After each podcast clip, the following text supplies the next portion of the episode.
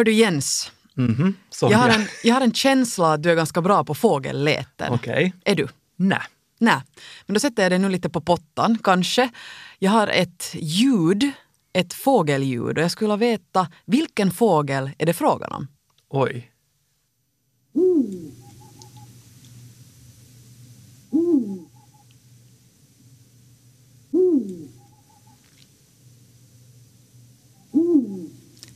Det är frågan om det här lite mer aggressiva lätet, Jag- jag inte här, här i bakgrunden. Jag förstår det.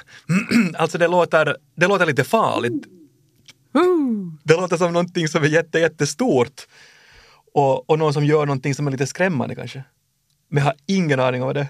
Nå, gissa, gissa sådär på måfå. Jag gissar att det är en eh, uggla som busar. Det här var en berguv. En berguv. Berguv, Så den är ju i princip en släkting. i princip. Men vad säger jag, inte vet jag. Kanske den är, kanske inte. Du var tänkte till mig, Jensberg. Ja, till dig. Där tog du mig på pottan. Ni lyssnar på Efter nio här tillsammans med Jens Berg och mig Sonja Kailasari. I det här programmet så utmanar vi ju våra gäster, eller så utmanar de sig själva att i en veckas tid testa på att eh, leva på ett annorlunda sätt, att bryta en vana eller bara ändra på någonting i sitt liv för att eventuellt uh, möjligen göra, eh, göra en förändring, en förbättring eller bara komma till någon slags insikt. Och idag ska det handla mycket om fåglar. Vi har en gäst här som har antagit en utmaning som handlar om att bånga fåglar eller att lära, lära känna igen olika fågelsorter. Och det är alltså Kjell Simonsas eh, radioprofilen som, eh, som kommer att gästa oss. Precis, från Radio Extrem. Han är också musiker. Vi ska snart få höra ett litet klipp från, eh, från hans bands repertoar. Och vid sidan om gästen så har vi också alltid en expert på plats. Och idag är det författaren och fågelexperten Lars Sund. Lars gjorde sitt eh, genombrott 1991 med romanen Colorado Avenue och vid sidan om sitt författarskap är han också en inbiten fågelskådare. 2010 så kom han ut med boken En morgontrött fågelskådares bekännelser. Och jag har ett litet eh, citat från den här boken som jag tänkte läsa upp där han beskriver sitt förhållande till, eh, till fågelskåderi. Den inbitna fågelskådarens relation till fåglar påminner om alkoholistens beroende av spriten. Ingendera förmår akta på det råd som filosofen Epikuros från Samos gav sina lärjungar 300 år före Kristi födelse. Den som vill leva lyckligt bör ålägga sig måttlighet och behärskning. Men det här gäller inte eh, Lars Sunds fågelpassion så att säga. Det var vackert. Men den som alltså har antagit utmaningen och som kommer sen att skrutineras av Lars Sund är alltså Kjell Simonsas. Och, och ni som eh, brukar lyssna på Radio Extrem känner garanterat igen Kjell Simonsas stämma. Han är en eh, känd musikexpert, radiopratare på Radio Extrem alltså. Och sen är han också musiker. Han eh, är sångare, och eh, låtskrivare i en eh, ensemble som heter Bob Malmström. Jag tänkte vi skulle höra på ett litet smakprov från den här ensemblen. Det låter så här.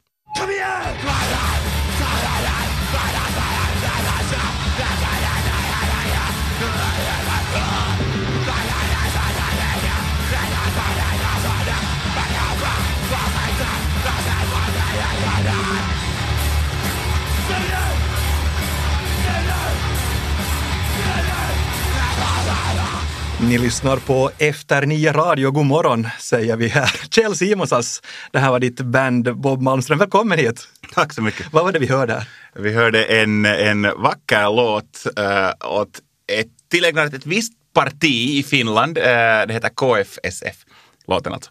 Inte parti. Vackert. Du har antagit utmaningen om att bånga fåglar. Varför blev det den här utmaningen?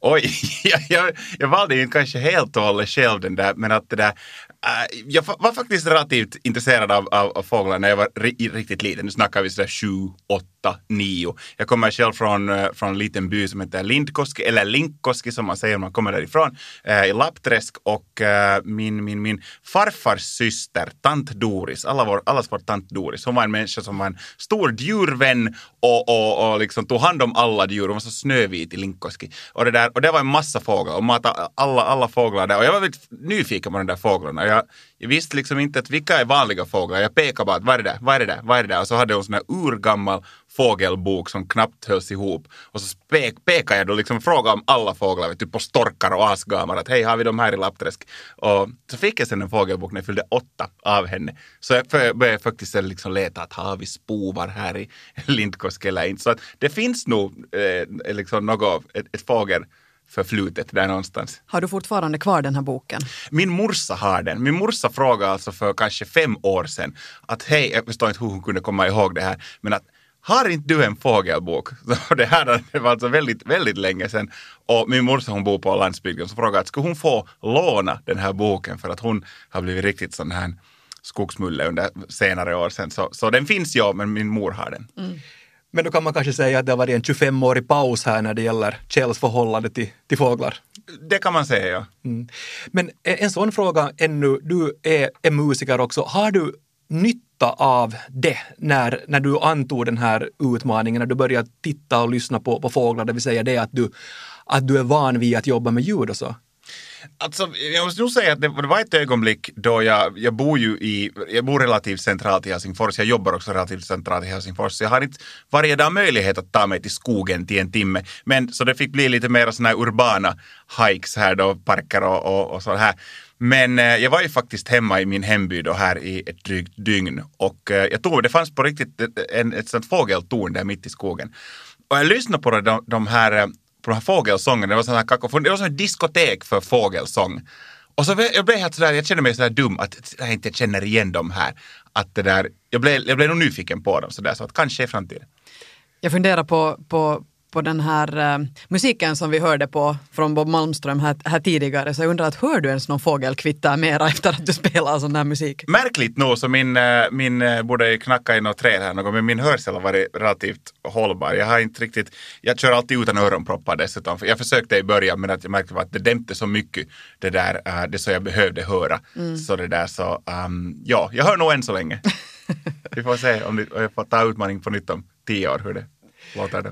Du har alltså fört dagbok också under den här, den här veckan, det vill säga du har gjort en, en videodagbok som man kan se på, på svenska.yle.fi och vi kommer att få höra några utdrag av den här också när du har begett dig iväg för att eh, för att bonga, bonga fåglar. Och vi ska höra på det, på det första klippet nu. Det är från den andra dagen. Det är hemma i Berghäll i asfaltdjungeln här i Helsingfors. Utan kikare så beger du dig ut runt Töleviken, Helsingfors. Och vi ska höra hur det, hur det lät. Jag har redan gett upp hoppet fågelmässigt för den här dagen. Det såg ganska dåligt ut. Jag såg några sparvar än en gång på min balkong, men att annars så, så var det ganska tomt. Men lite här före min arbetsplats så såg jag en av mina favoritfåglar, koltrasten. Jag har alltid diggat koltrasten äh, eftersom de är helt svarta men så har de en sån här orangegul näbb. Så jag tyckte redan som barn att koltrasten är liksom äh, är det mest metal fågeln. Jag förstått att nu kan det hända att jag har helt rätt, men är inte, är inte liksom, inte kolstrastarna lite sådär assholes egentligen? Det här är bara ett rykte jag har hört av andra fåglar. Uh, men jag såg den här koltrasten som, som håller på nu här och, och letar upp, uh, letar då antagligen maskar eller någonting. Um, så den liksom jagar bort de här stackars uh, andra trastarna och, och där är också en sädesärla som försöker komma in på dens revir men att koltrasten liksom jagar bort dem. Så att Lars kanske vet lite bättre om det här att det är, är det där koltrastarna egentligen det här fågelvärldens persona non grata?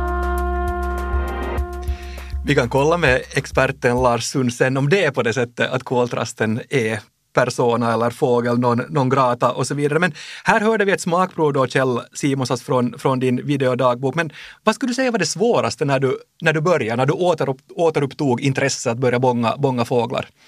Kanske lite sådär att, att eh, eftersom sådär områdesmässigt varit lite begränsat i och med också att jag har ett jobb varje dag och jag, jag har som sagt inte tid att fara till skogen helt varje dag. Men kanske att, för jag vet att det skulle ändå finnas ställen i, i, centralt, i, i relativt centrala Helsingfors till och med, eh, var man skulle kunna hitta några andra fåglar än då måsar och, och, och sparvar och sådär. Så kanske bara att, att hitta då ställen och sådär. Jag gick runt Töleviken ganska mycket och där kunde man se en del. För sen var nog liksom kontrasten var ganska stor till den när jag kom sen till min hemby som är på riktigt mitt i skogen, där, där mitt barndomshem fortfarande finns, där man fick höra liksom att oj, där är en uggla, oj, där är svanar, oj, där är tranor och allt möjligt. Så det var stor skillnad. Så kanske det bara är att hitta dem. Men ska vi lyssna, lyssna på, på det? Vi lyssnar på, på ett annat, annat klipp från din, eh, från din eh, videodagbok när du alltså är hemma i, eh, i hemsoporna, alltså i, i, i Lappträsk i barndomsknutarna. Då lät det så här.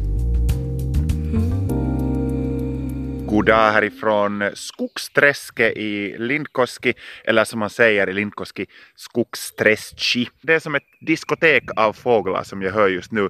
Tyvärr så är jag för mäntig att känna igen dem, men, men jag hörde något som är antingen en uggla eller en uv som har ganska hög det här sjungit här för mig, eh, massa kvittar och, och, och sen det här riktigt märkliga ljudet. Man är sådär att, att det är som man skulle vara i djungeln någonstans men det är nu ändå fåglar som, som skapar det här ljudet. Där i bakgrunden ska vi se om vi får vinkat där, man ser kanske inte nu tyvärr men att där är ett par sångsvanar som guppar omkring där. Jag har med mig min kikare så jag tror att jag ska kolla in och se, jag skulle känna in igen något, något det där äh, flaxande vänner ännu här till. Här, här var du alltså hemma, hemma i östra, östra Nyland Kjell. Kan du, kan du ännu beskriva den här kontrasten mellan Berghäll, Töleviken och sen här ute, ute i träsket? No, den största möjliga kontrasten. Att jag, jag, där var jag född och uppväxt och där var jag bort mina 20 första år. Så det är så långt i gömman som det bara kan, kan bli. Och all, all, under den tiden så har jag bott i Helsingfors i cirka 15 år så har jag alltid bott mer eller mindre i centrum. Fast Helsingfors inte kanske är en sån här jätteväldig stad, det är inte något Tokyo inte, men ändå liksom det, det är ganska stora kontraster där. Så att uh, min, min hemby så är, är det, det, är det tystaste stället jag vet och det enda som hörs är fågelsång. Så att där har vi det. Mm. Mm här under intervjun så har man hört dig nämna flera fågelarter, så helt klart känner du igen på utseende en hel del fåglar. Men hur är det med, med läten? Känner du igen annat än måsar? No, läten är det ju nog dåligt, som ni hör, och det har det alltid varit dåligt. För att just som sagt när jag var i lågstadiet så kunde jag fåglar ganska bra och på biologitimmarna, om det handlade om fåglar, så var jag bäst på klassen. Och jag var aldrig, jag var sällan bäst på klassen vad gäller saker, eh, grejer. Jag var sådär, vet du, ganska, jag var inte sämst heller, jag var där liksom någonstans där i mitten. Och lärarna till och med var sådär att vet du, luntar du? Att hur kunde Kjell vet du, känna igen de här nötskrikorna och, och de här. Men, men så, så det, det var en fördel jag haft. Men läten, där har jag nog mycket att lära mig. Ja. Kanske lite inspirerad efter det här lilla odyssén. Det var inte meningen att dissa dig här att du skulle bara känna igen måsar, men så är det åtminstone för mig. Nej, nej men jag är nog helt i samma skola, hördu, helt, helt i samma båt. Då kanske vi ska börja här bånga tillsammans ja. i stan. Det känns ju nog som att man har ett stort hål i sin allmänbildning när det kommer till, till, till fågelläten och, och till, till fåglar. Och, och, det är ju som sagt precis som du sa, att, att när man var yngre så visste man mycket mera. Och så, så får man en distans. Så kommer ju ljuga bara övertygande. Att man hör Wah! så säger man att nej men det där var en eh, en, vet du, jag vet inte hur den, sparvhög. Ja. En sparvhög, ja. ja. Men hur mycket, hur mycket var det så för, för dig Kjell att när, när du började med den här utmaningen, att du började höra mera, att du började se mera, att du la märke till mera ljud och, och fåglar och sådär. De finns ganska mycket runt omkring oss i stan också, även om vi kanske inte tänker, tänker så mycket på det. Alltså helt klart, helt, helt klart la jag märke till både, både ljudet då och, och sen bara för man ser ju som sagt fåglar hela tiden. Det flyger nog omkring en massa fåglar men man kanske inte lägger märke till dem. Men, men helt klart var, under det här hela veckan så var det nog sån här fågelradare igång hela tiden. Att okej, okay, där, där är något, så får jag alltid närmare och kolla och sådär. Blev det så också att du började diskutera fåglar med, med vänner och bekanta? Uh, jag nämnde den här ut, utmaningen åt vissa vänner som var sådär, tyckte att va? Vad håller du på med liksom? Men att ingen dissade, så ingen var så att herregud vad fjantigt. Utan alla var så att okej, okay, nice. Så att det där. Men kanske de där långa diskussionerna ännu i framtiden. No, summa summarum, den här veckan som gick och, och de här dagarna som, som du satsar på att lyssna lite mer på fågelläten, så vad, vad blev handen så att säga? Hur känns det nu efteråt? Mm, det blev, ska vi säga, helt sådär motionsmässigt så var det ju äh, för det första jättebra, för när jag hade då lovat åt mig själv att minst en timme, eller mer eller mindre en timme, emellan blev det mera, emellan blev det lite mindre. Men att när jag hade lovat att en timme i dagen så ska det där ske. Så, att, så tvingar man, man sig själv redan att röra på sig lite mer. Vi tar nu sista dagen som jag det här, utmaningens sista dag var första maj. Och av uh, förekommande orsaker så brukar ganska många av finska befolkningen vara ganska trötta då och det är kanske inte då man, då man far ut på länk. Men jag hade en kompis på besök så jag följde till busstationen och jag skulle lätt ha kunnat ta metron direkt hem. Jag skulle varit, och det regnade dessutom. Men jag var att nej, jag måste ta andra utmaningen. Nu så gick jag en timme i regnet runt Töleviken och hitta lite kanadagäss och sen. Så att kanske, kanske en sån här, helt enkelt sån här fysisk grej. Att, mm. att det där, eh, så det, det var bra, det funkar bra.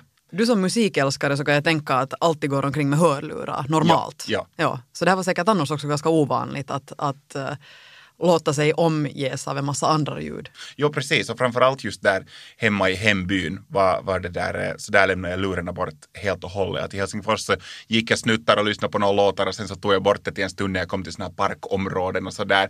Men där eh, hemma i Linkoski så det var nog det där, där lämnade jag lurarna bort helt och hållet. Du lyssnar på Efter nio här tillsammans med Jens Berg och mig Sonja Kailasari. Och i det här programmet så utmanar vi ju alltså våra gäster att i en vecka testa på någonting nytt. Um, I sju dagar kanske prova på någonting som de inte har gjort förut eller ändra en vana. Och uh, vi har ju alltså då radioprogramledaren och artisten Kjell Simosas här och eh, nu är det dags att bjuda in vår följande gäst, nämligen experten, fågelskådaren och författaren Lars Sund. Hjärtligt välkommen Lars Sund. Tack, tack. Tack för att jag fick komma. Författare och ivrig fågelskådare. Nu har du suttit här i rummet bredvid och lyssnat på vårt prat här innan. Vilka tankar födde vår diskussion? Ja, jag, har ju, jag har ju sett de här, de här eh, videorna som Kjell har gjort. Det var liksom väldigt underhållande och eh, väldigt, väldigt, eh, väldigt roliga videor. Så jag tycker ju det är ju kul att du känner igen några fåglar. Och ja, den där, det stämmer väl nog en del av den där reflektionen som du gör om, om, om koltrasten också, att koltrasterna kan vara lite tuffa och, och, och aggressiva. Det förekommer att koltrastar alltså kör bort eh, konkurrenter från, från eh, alltså både andra, andra koltrastar och, och också andra, andra fåglar. Speciellt vissa hannar kan vara väldigt aggressiva. Det är lite intressant att den fågel du beskriver det är ju alltså koltrasthannen. Honan är hos koltrastarna är, är, är ljusare, mera brunmurrig. Och eh, många människor tror att det är en helt annan fågel, men det är alltså koltrasthonorna. Den är, den är chokladbrun och så brukar den vara ljusare och lite fläckig på bröstet. Är det skillnad på storleken där också mellan, mellan honan och hannen? Nej, det är det nog inte, inte hos koltrasten. Hos en del fågelarter är det faktiskt skillnad på storleken. Det, det här gäller till exempel hos rovfåglar, till exempel havsörnar där honorna är mycket större än hannarna. Det gäller också hos eh, till exempel en del falkar där och eh, eh hos eh, duvhök och sparvhök är det här väldigt utpräglat för där kan honorna vara riktigt stora. Alltså en, en sparvhökshona kan vara nästan lika stor som en liten duvhökshanne. Det här beror på att, att eh Eh, bland annat på då att eh, de ska ha plats för ovarier och ägg, äggämnen, de här honorna. Men också eh, de har en, hos rovfåglarna är det väldigt vanligt med en sån arbetsfördelning att honan ruvar äggen och värmer ungarna medan hannen jagar. Liksom både för sig själv och för, för, för, för ungarna och för, för honan. Och då är det ju en fördel att vara lite mindre och snabbare och smidigare.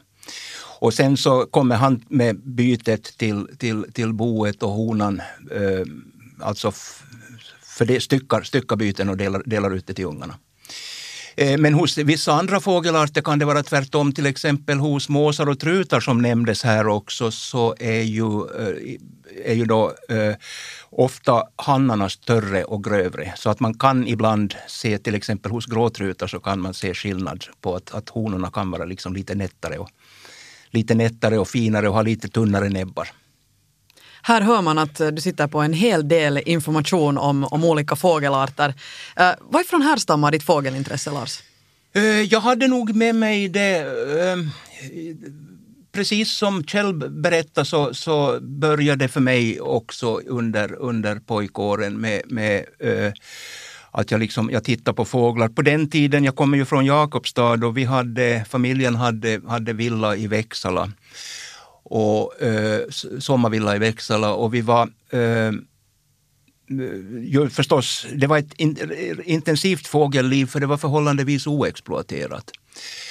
Eh, sen hamnade det här eh, fågelintresset lite i det under tonåren och under, under studieåren när så mycket annat intressant upptog mig.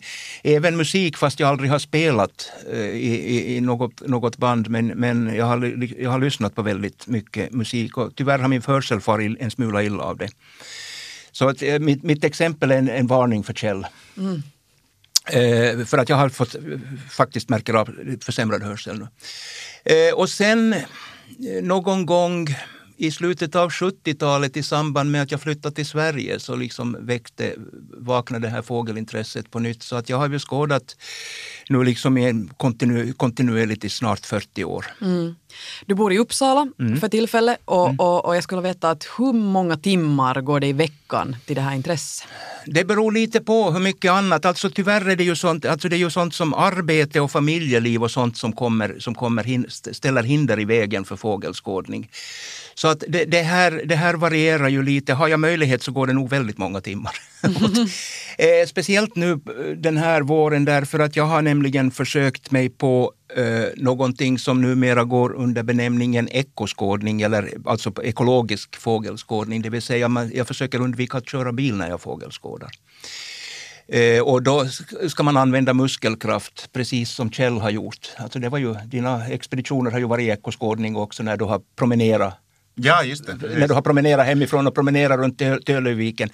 Eh, jag brukar använda, jag brukar använda min, min, eh, min cykel. Så att det har blivit nog eh, det har blivit nog åt, åtskilliga, åtskilliga timmar just därför att jag har, har haft det lite ledigt i, i vår. Jag har lämnat manus till en ny roman som kommer ut i höst. Eh, så att, att jag har kunnat, liksom, eh, jag, jag, har inte haft det här, varit bunden vid det här dagliga skrivandet. Mm. Men det är klart, alltså, är det någon riktigt raritet på gång så måste man ju naturligtvis också överge skrivandet genast för att dra iväg och titta på den. Och det här får du nys om via någon slags sån här raritetslarm, eller hur? Eh, exakt. Eh, det där, jag, är, jag är numera sedan eh, många år har en anslutning till, det heter Bird, Bird Alarm i Sverige, BA i Sverige Sverige och i, i övriga Norden och i delar av Europa. Här i Finland har man ju ett eget system. Det heter väl Lintotiedotus här i Finland, men det fungerar likadant. Det går via mobiltelefonnätet. Just det. Avslutningsvis ska vi ha ett litet test åt Kjell.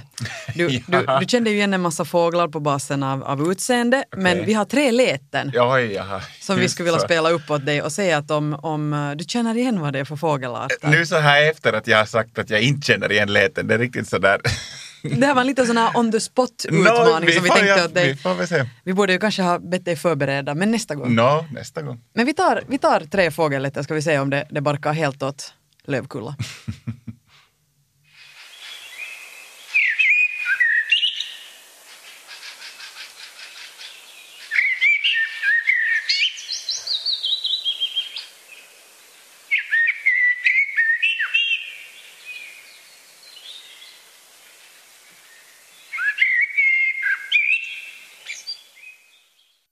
Och Kjell, vilken fågel var det där frågan om? Just det.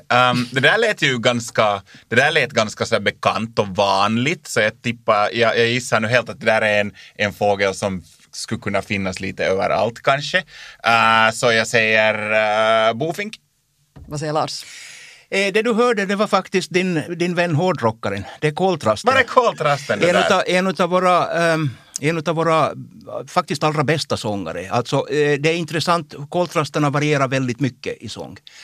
Eh, så att, att det varierar från individ, individ till individ och vissa individer kan vara verkligt, verkligt duktiga sångare. Du hörde faktiskt också en lövsångare i bakgrunden. Den där lite tunnare, lite vemodiga eh, tonen. Det brukar ibland heta att lövsångaren säger snälla mamma får jag gå på bio mamma.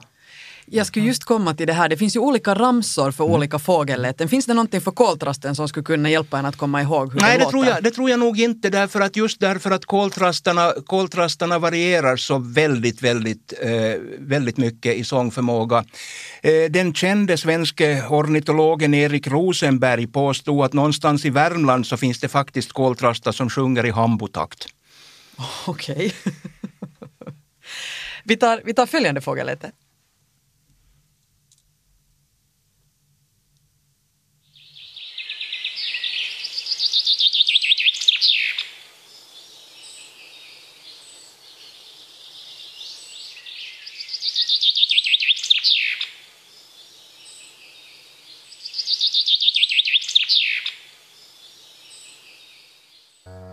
Vi får gissa igen bara som sagt. Men fast du inte känner till de här så Ja. åtminstone lär du dig tre fågelläten efter den här inspelningen. Det har- harmar lite den där koltrasten att jag inte tog det för att jag det där, för när jag var hemma i Lappträsk så, så var det en massa koltrastar och så var jag, där en fågel som stod på ända av en stolpe och jag tyckte att det hade liksom ganska spännande um, sång och det var ju sådär så att lite att jag inte plockade den. Men den här eh, skulle vi kunna säga att var någon form av eh, svala, kanske?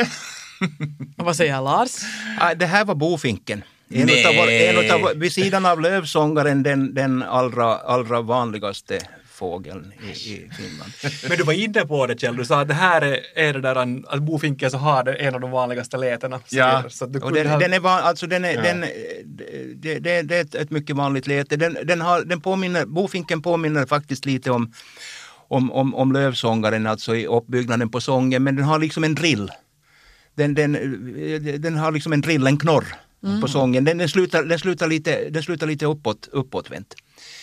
Eh, och den är, bofinken är väldigt, väldigt typisk och den brukar sjunga också ganska, ganska länge. Så man hör, brukar höra bofinken från slutet av mars när de, när de kommer och så, sen håller de, håller de på till långt in, långt in i, i juli för de lägger flera kullar. Mm.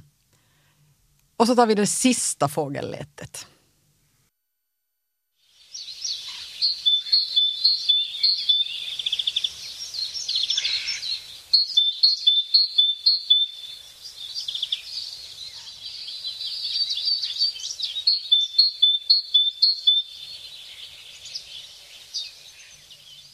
Okej. Svetten rinner från Kjells panna. Man borde, ju, man borde ju få åtminstone ett rätt, men att det där... Uh, brum, brum, brum, uh, Brum, brum, brum. brum. Nej, det lät nu ganska eh, sådär... Tippar nog att det här är någon ganska sådär vanlig fågel kanske det här också. Så jag kan läsa av blickar här. Titta inte på Det är oss, som hördu. att spela poker här. Um, ja, jag vet inte, jag får väl bara gissa. Jag säger fast eh, att det här var uh, sädesärla. Tyvärr, tyvärr inte. Sädesärlan har, en, eh, har ett, ett eh, det är faktiskt ganska sällan man hör sädesärlan sjunga ska, ska jag säga. Den har, det är snarare, man hör snarare sädesärlans, det här lilla lite kvittrande lockletet som den ofta, eh, som, som, som den ofta eh, låt, låter höra hela tiden när den springer omkring. Nej, det här var en talgoxe. Ja, okej.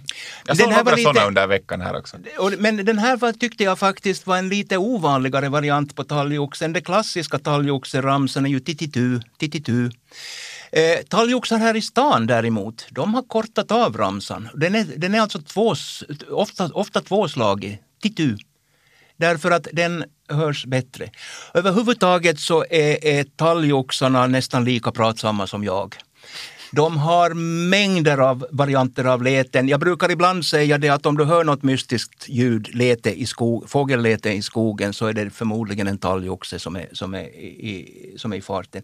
Och de verkar kunna, kunna härma också en del. Så att, att eh, de, de, de kan fila och de kan, de kan ehm, gnissla och de kan låta på, de kan låta på en mängd olika, olika sätt.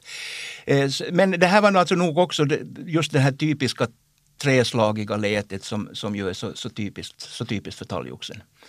Nåja, men nu kan du dem Kjell i alla Nu kan fall. jag dem. Mm. Tänker du Kjell fortsätta med det här nu efter, efter den här utmaningen? No, åtminstone så när jag, jag, jag tänker nu, nu det här, eh, här våren nu när det har lugnat ner sig en massa, jag har varit på en massa resor tidigare på, på året och så där nu lite före sommaren så är livet lite lugnare så jag har tid att fara hemma till Lappträsk. Så jag kommer nog åtminstone att fara dit till det där, till Skogsträsket och dess fågeltorn, uh, det där, uh, förhoppningsvis varje gång jag tar mig dit. Bra, till fågeldiskoteket. Just det. Mm. Det är den allra bästa tiden just nu att fågelskåda också. Alltså Okej. nu, nu, i, i, nu i maj så kommer ju de sista flyttfåglarna, alltså de här riktiga långflyttarna som alltså kommer från, kommer från, från, eh, från Afrika.